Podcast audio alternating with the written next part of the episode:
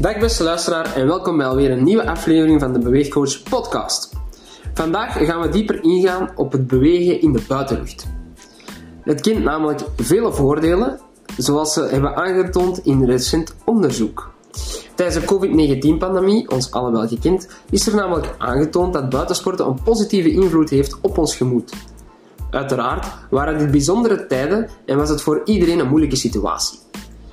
Buiten komen heeft wel gemaakt dat mensen zich mentaal gezonder voelen.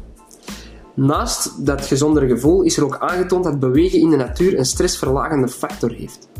In onze huidige maatschappij zitten we vaak binnen en de buitenlicht en natuurlijke omgeving maken dat we dit stramien doorbreken en heeft het dus een verlagende invloed op ons stressniveau.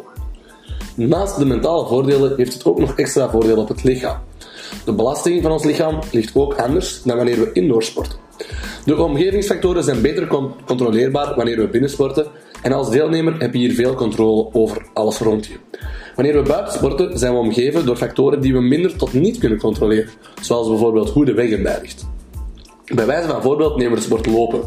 Indien je indoor zou lopen op een loopband, loop je rechtlijnig en zijn er geen obstakels op weg.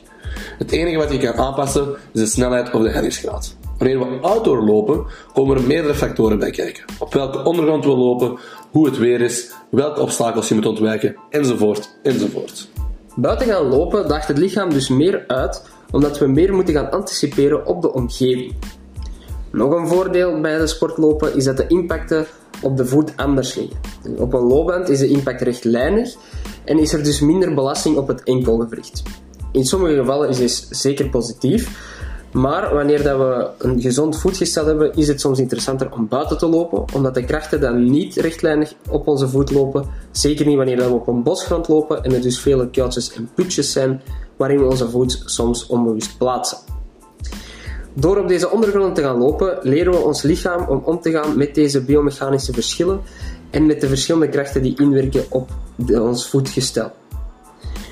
Om hier de juiste keuzes te maken, is het dus interessant om begeleiding te gaan zoeken, zodat je op een verantwoorde manier kan gaan bewegen. Kort samengevat is buitensporten dus om meerdere redenen interessant. Voornamelijk het mentaal welzijn kent er zijn voordelen van en de stress wordt ook verlaagd. Daarnaast zijn er ook nog de fysieke voordelen van het buitensporten. Tot slot nodigen wij jullie uit om een keer buiten te gaan wandelen of een andere activiteit uit te voeren in de buitenlucht. Op deze manier kan je zelf ervaren wat het is om buiten te bewegen. Bij vragen of meer informatie kan je terecht bij de beweegcoach en we zouden zeggen: enjoy the sun.